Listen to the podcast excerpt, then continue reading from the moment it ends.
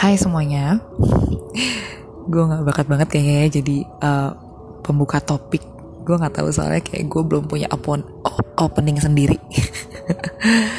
nah jadi kali ini gue mau ngebahas uh, sesuatu yang agak sensitif sih sebenarnya. Ini ini bisa dibilang sebenarnya uh, ada cerita pribadi gue nya sebenarnya bukan ada lagi tapi memang cerita pribadi gue yang uh, uh, bisa dibilang nggak banyak orang yang punya cerita kayak gini. Banyak sih cuman ya hitungannya dibanding sama yang uh, punya sama yang enggaknya tuh lebih sedikit yang punya kayak jadi gini guys uh, kalau kalian mau tahu gue itu kan mualaf. Jadi uh, sebelumnya itu gue agamanya Hindu terus gue mualaf. Jadi Islam itu uh, itu ngagetin sih. Gue pun uh, gue pun yang ngerasain yang memilih jalan tersebut aja gue pun kaget sama pilihan diri gue gitu. Tapi bukan berarti nggak ada latar belakangnya. Nah latar belakangnya itu untuk uh, jalan terbesar ini bukan karena cowok ya kadang-kadang kan ada ya karena pasangan gitu. Tapi ini bukan karena pasangan sama sekali. Jadi gini uh, gue itu keluarga gue itu bokap gue agamanya Hindu nyokap gue Islam awalnya. Terus mereka uh, nikah.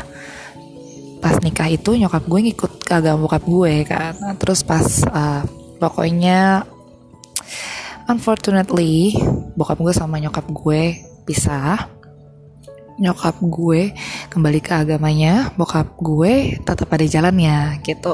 Terus gue ngikut ngikut sama bokap gue. Terus uh, one time gue ketemu nyokap gue setelah sekian lama nggak ketemu.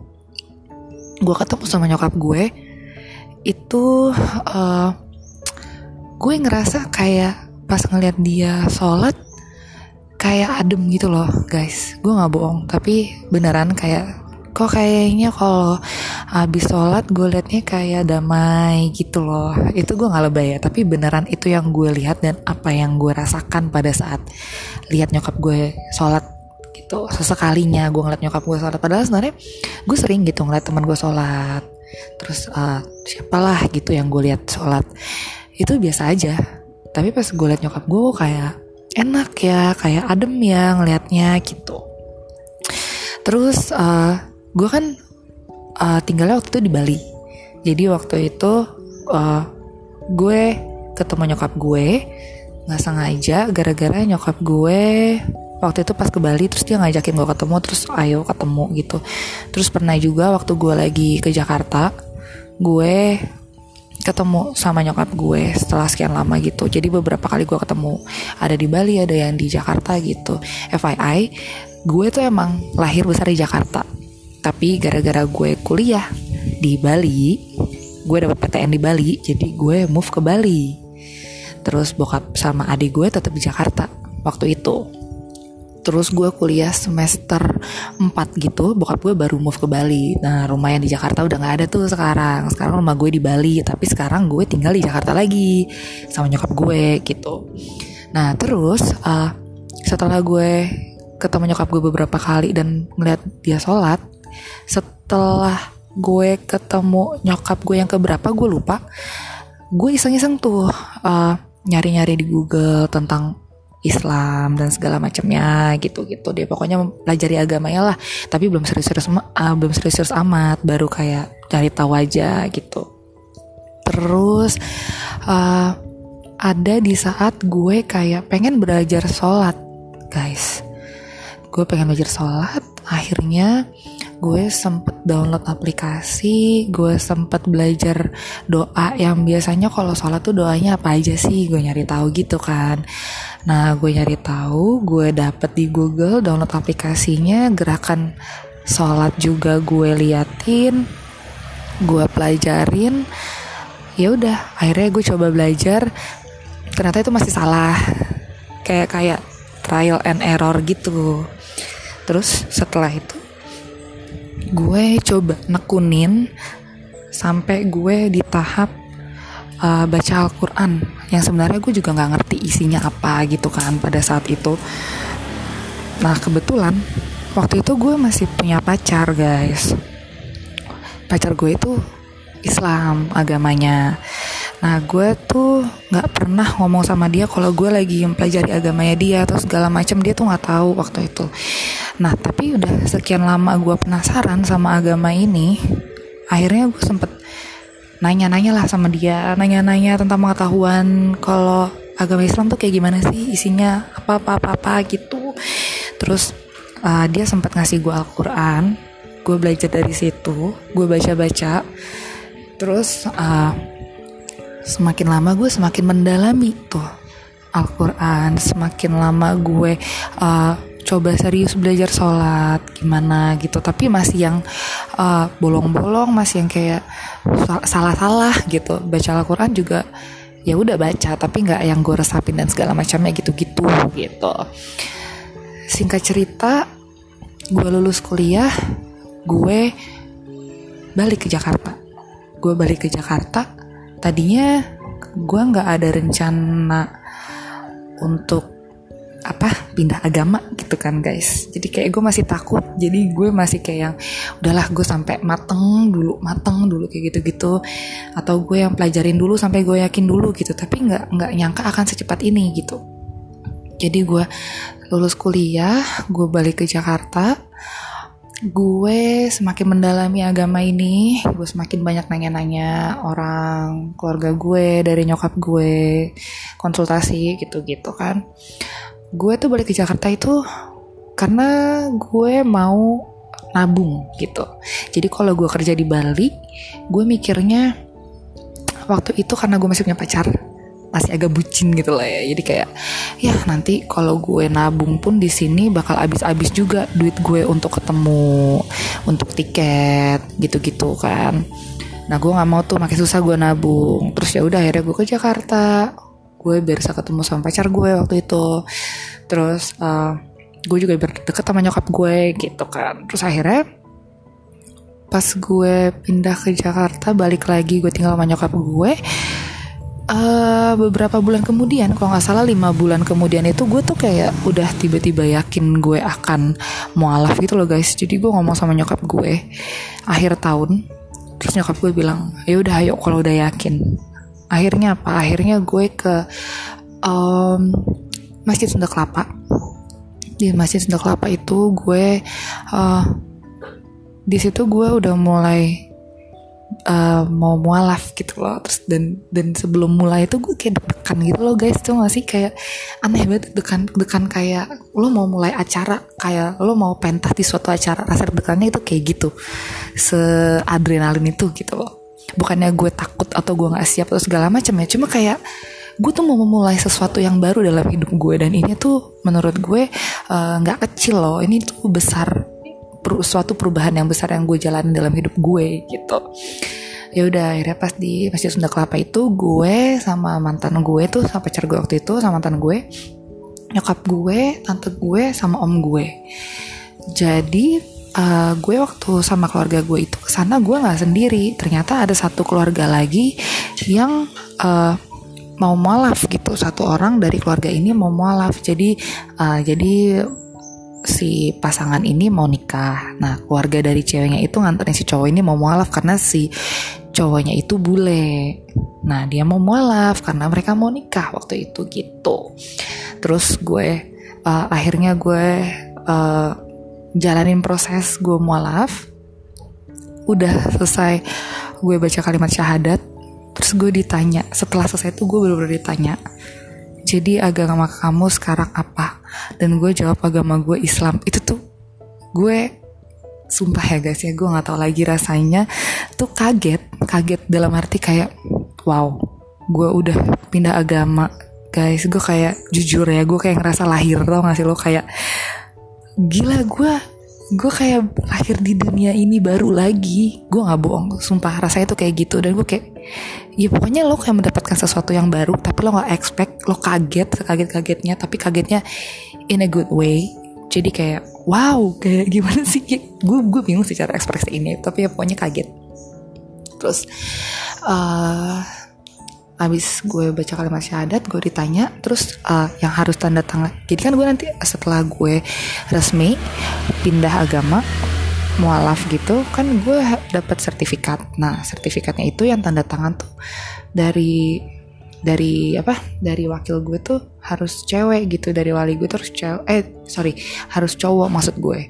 Jadi yang cowok yang ada saat itu adalah mantan gue sama om gue akhirnya mereka yang tanda tangan di sertifikat itu gitu nah terus gue tuh belum bisa ngambil sertifikatnya itu karena gue ngas uh, kan di sertifikat itu harus ada fotonya Nah, gue belum bisa ngambil sertifikat itu karena gue belum ngasih foto. Sempet gue ngasih foto, tapi itu kayak foto wisuda gue waktu itu, terus nggak eh, nggak uh, boleh. Jadi pas fotonya itu nggak boleh pas foto yang nggak pakai hijab, mesti pakai hijab gitu guys.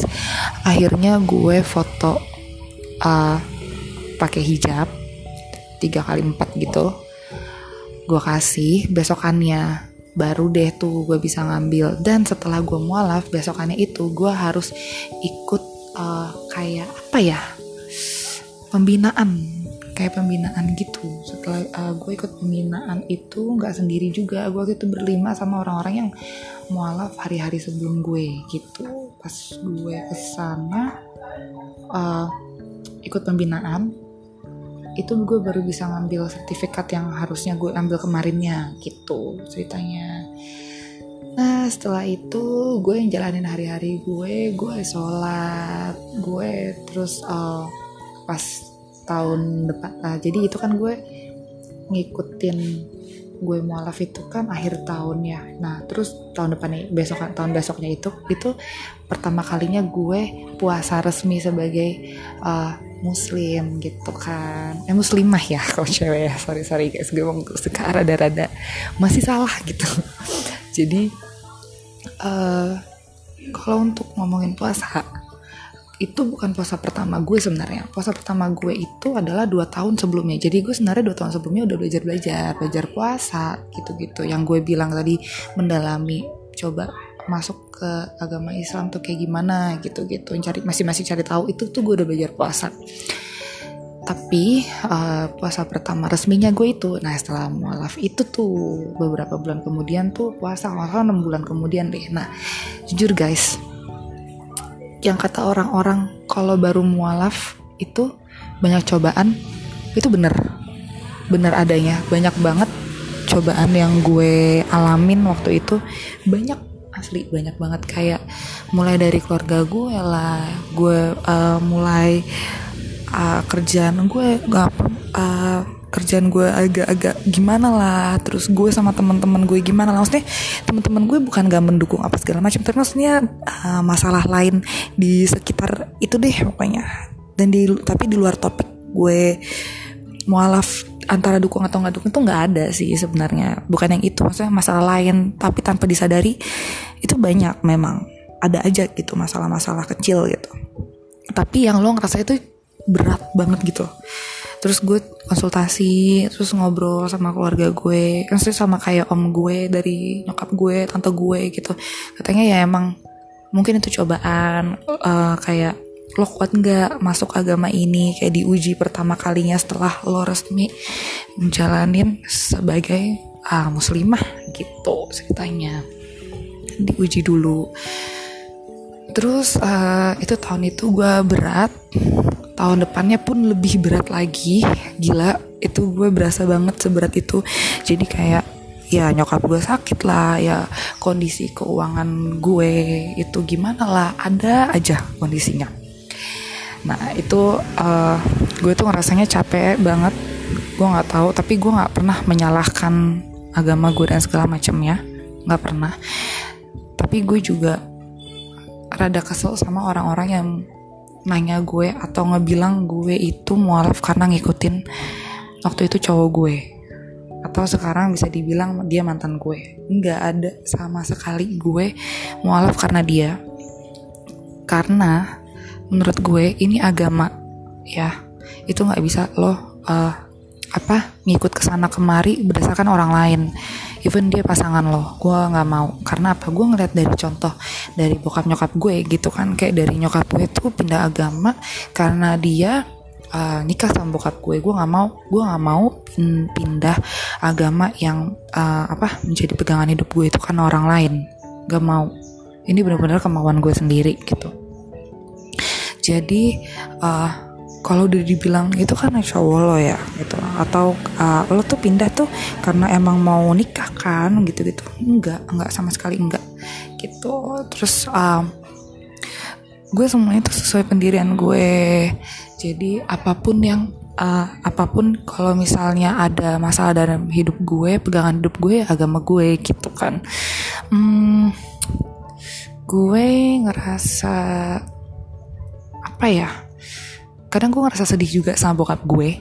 Karena apa? Karena jujur gue sampai sekarang belum ngasih tahu bokap gue kenapa gue pindah atau bahkan dia pun belum tahu kalau gue mualaf. Gitu guys. Karena gue jujur gue nggak tega.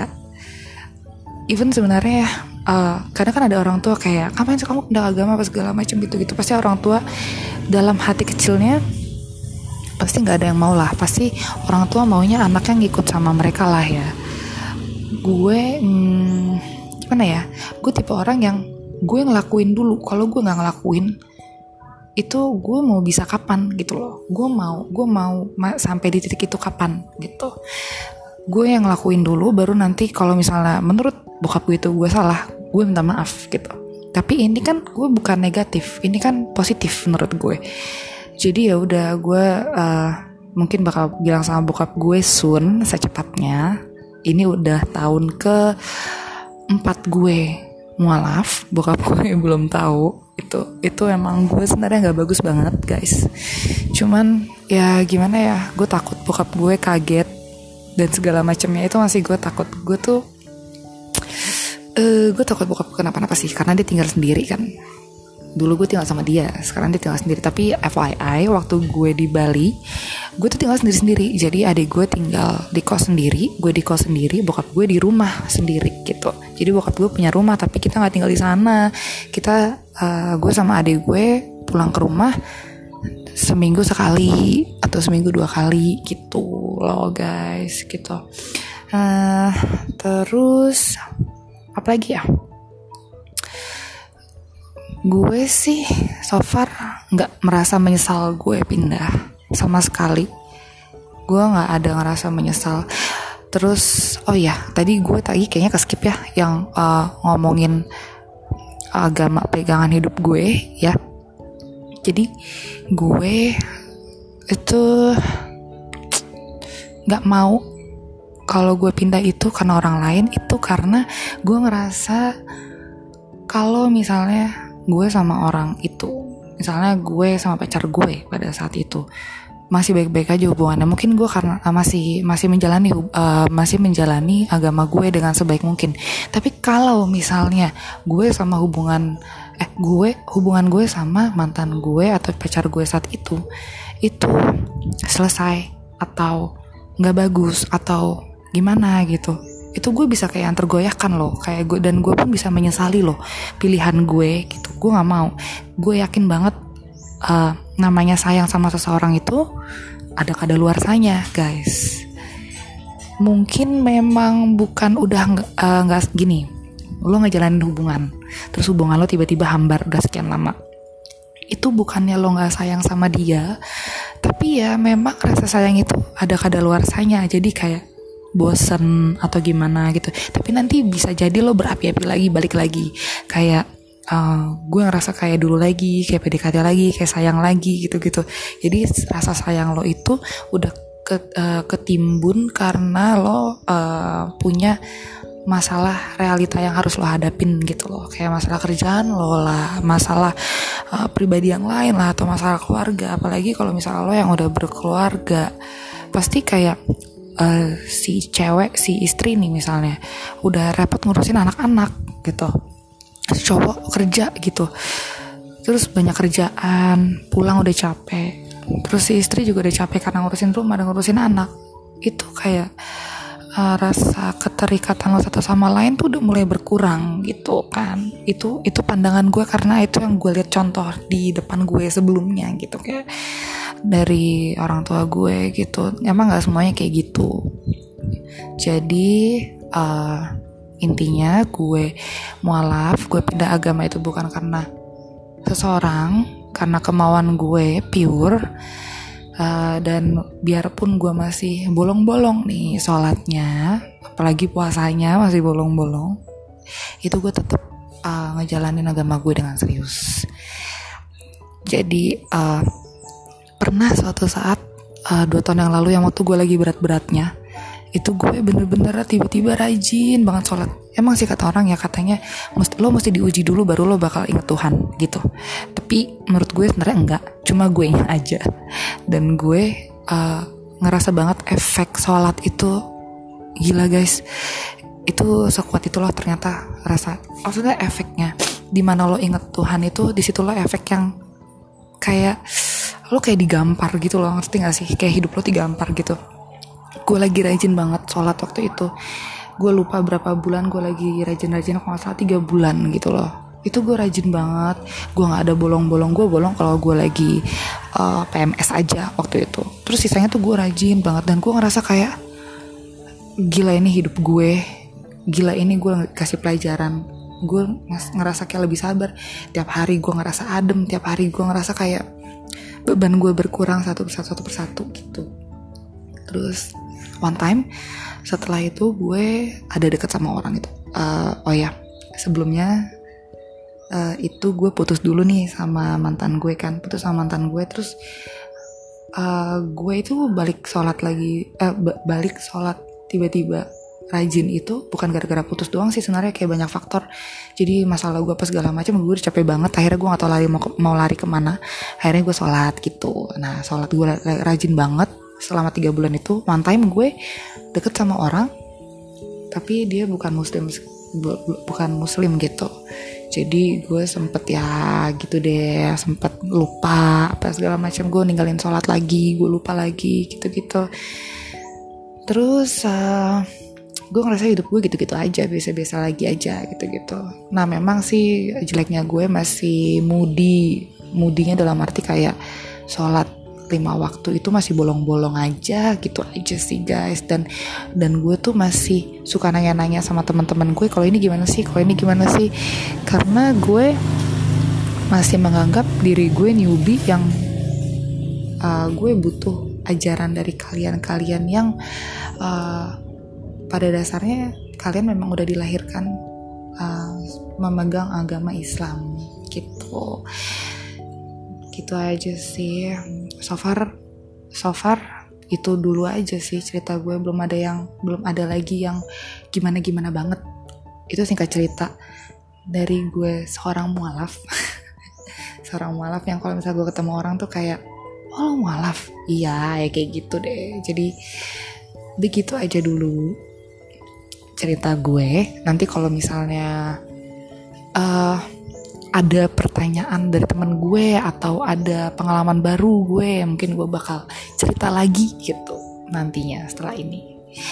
Oke okay, see ya di episode dan segmen yang lainnya ya guys. Thank you